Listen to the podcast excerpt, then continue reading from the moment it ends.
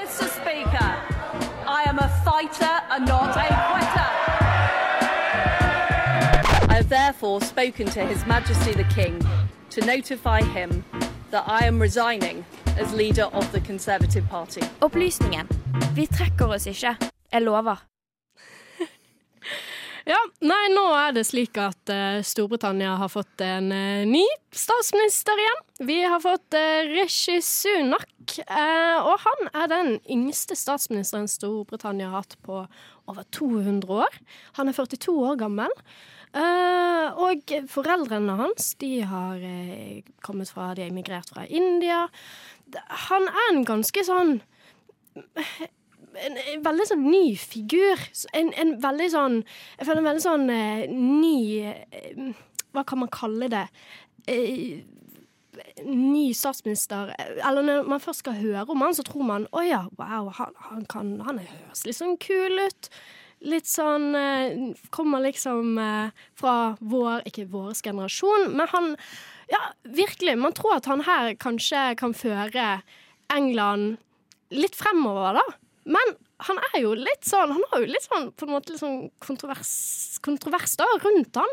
Hvorfor hva, hva, Hvem er Rishi Sunak, og hvorfor er han Ja, hvorfor er han populær, hvorfor er han upopulær? Hva Altså, du nevner jo det at Rishi Sunak er en ung eh, politiker, men noe som også er viktig å huske på når man snakker om Rishi Sunak, er at han er en ung politiker i den form av at det er syv år siden Rishi Sunak for første gang ble valgt inn i det britiske parlamentet. Eneste grunn til at vi egentlig vet hvem han er, hvis man kan si det litt sånn banalt, er fordi at han var um, finansminister uh, for Boris Johnson mellom 2020 og 2022. Men han er jo også en ganske ny altså politiker, er ganske ny inn i den politiske verden, i motsetning til f.eks. For forgjengeren både Liz Truss og Boris Johnson, som har vært politisk aktive langt ned i eh, barndommen og ungdomsårene. Så dukket liksom ikke Rishi Sunak opp i det politiske landskapet før han var 35. Og eh, ble først på en måte da stor nå for ca. to år siden, uh, som er viktig å huske på med han. Men noe annet som også er helt sinnssykt viktig å huske på med Rishi Sunak, er det at selv om man kanskje har et bilde av ham som en som en, ja, en politiker som rett og slett har kommet opp fra bånn, da, eh, så er han ikke nødvendigvis uh, det. Han har studert på Oxford, studert filosofi og Politikk og økonomi. Ikke sant? I, Det er I den sånn kombinasjonen. De kaller det for statsministerskolen, tror jeg. Ja. Mm. Eh, som er Altså, han er gift med en, uh, med en som er uh, arving til et sånt kjempestort tech-imperie. Så han er jo, som du nevner, en av de rikeste som noen gang har hatt den posten. Er det, det er vel flere, det er 300 millioner pund han har, han har i, til sitt navn. Går med dyre dresser. Ja, og det, han er jo, ikke sant Man, han, han høres jo skikkelig sånn posh ut, da, på en måte. Uh, men han er jo sånn vokst opp i Southampton. Og det, det er jo litt sånn Kan han kanskje bruke, da, uh, nå som han er statsminister. Og han skal jo være en statsminister for folket. Men hvor normalt er det å være gift med en milliardærarving og ha gått og vokst opp på og hatt utdanning fra både Oxford og eh, ja, Stanford. Stanford. Det er ikke så vanlig, det der.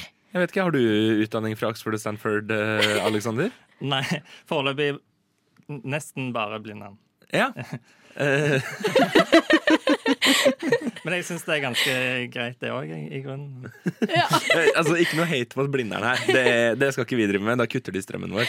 Um, nei, men altså eh, Du nevner jo noe ganske essensielt ved Rishi eh, Sunak der. Fordi han er en ganske splitta eh, person. Han splitter det britiske folk, og ikke minst så splitter han eh, den britiske regjeringen. De aller fleste briter ser gjennom denne oppvokst i Southampton, som for øvrig også er et litt sånn rart eh, bilde. fordi at når vi tenker på Southampton tenker på Southampton som på starten av 1900-tallet var en kjempehavn som bygde, altså hvor Titanic seila fra, og det var kjempeindustri. Southampton i dag er som de fleste andre byer her i Vesten. Altså en metropol. Nå skal ikke jeg gå så langt, eh, det er å ta det litt langt. Men det er en by som er altså, tradisjonelt sett konservativ, da. Ja. Ja.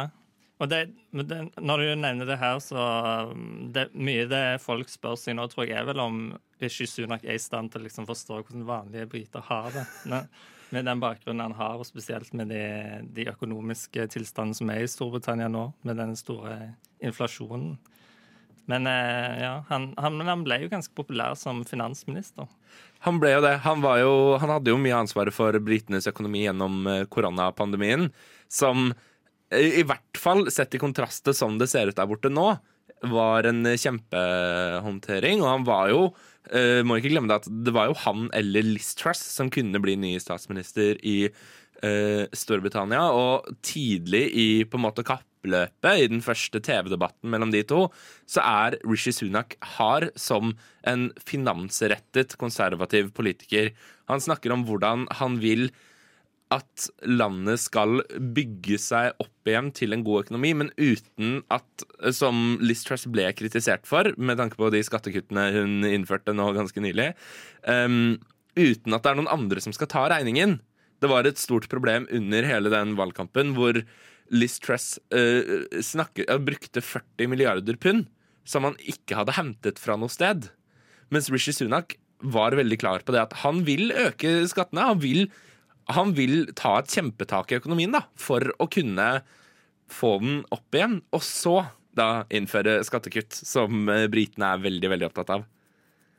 Mm. Ja, men, men, ikke ha skattekutt før inflasjonen er under kontroll, ja. og før man har inn, inndekning. før du har pengene, da. Ja, rett og slett. Sånn sett.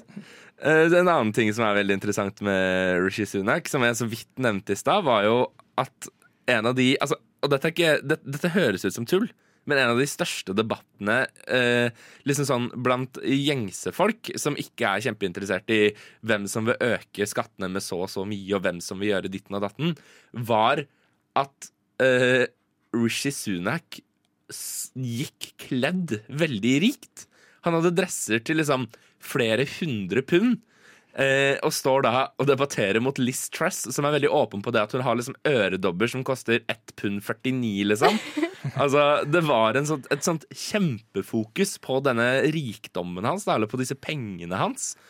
Og det kan smerte Rishi Sunak hvis man fortsetter å fokusere på hvor rik han er. Altså, det er, det er, klart at da, da, er det jo ikke noen statsminister som klarer å forstå hvordan folk flest har det, da. Nei, det er jo akkurat det. Og jeg tror folk eh, kommer til å synes det er litt vanskelig å bare se bort ifra, rett og slett. Eh, når du er gift med en milliardærarving, så tror jeg det er noe man vil snakke om. Og i hvert fall når man er statsminister, den nye statsministeren for hele Storbritannia.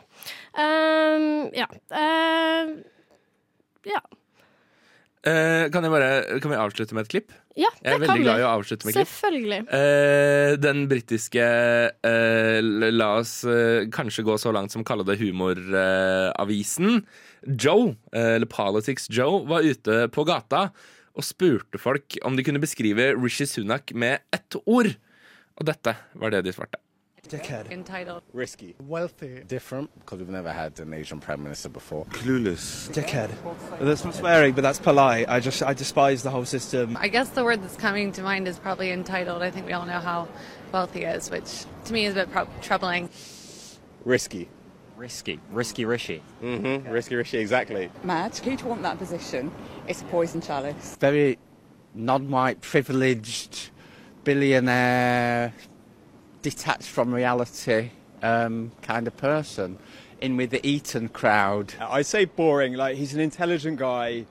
He can sort the economy out, but he's a little dull.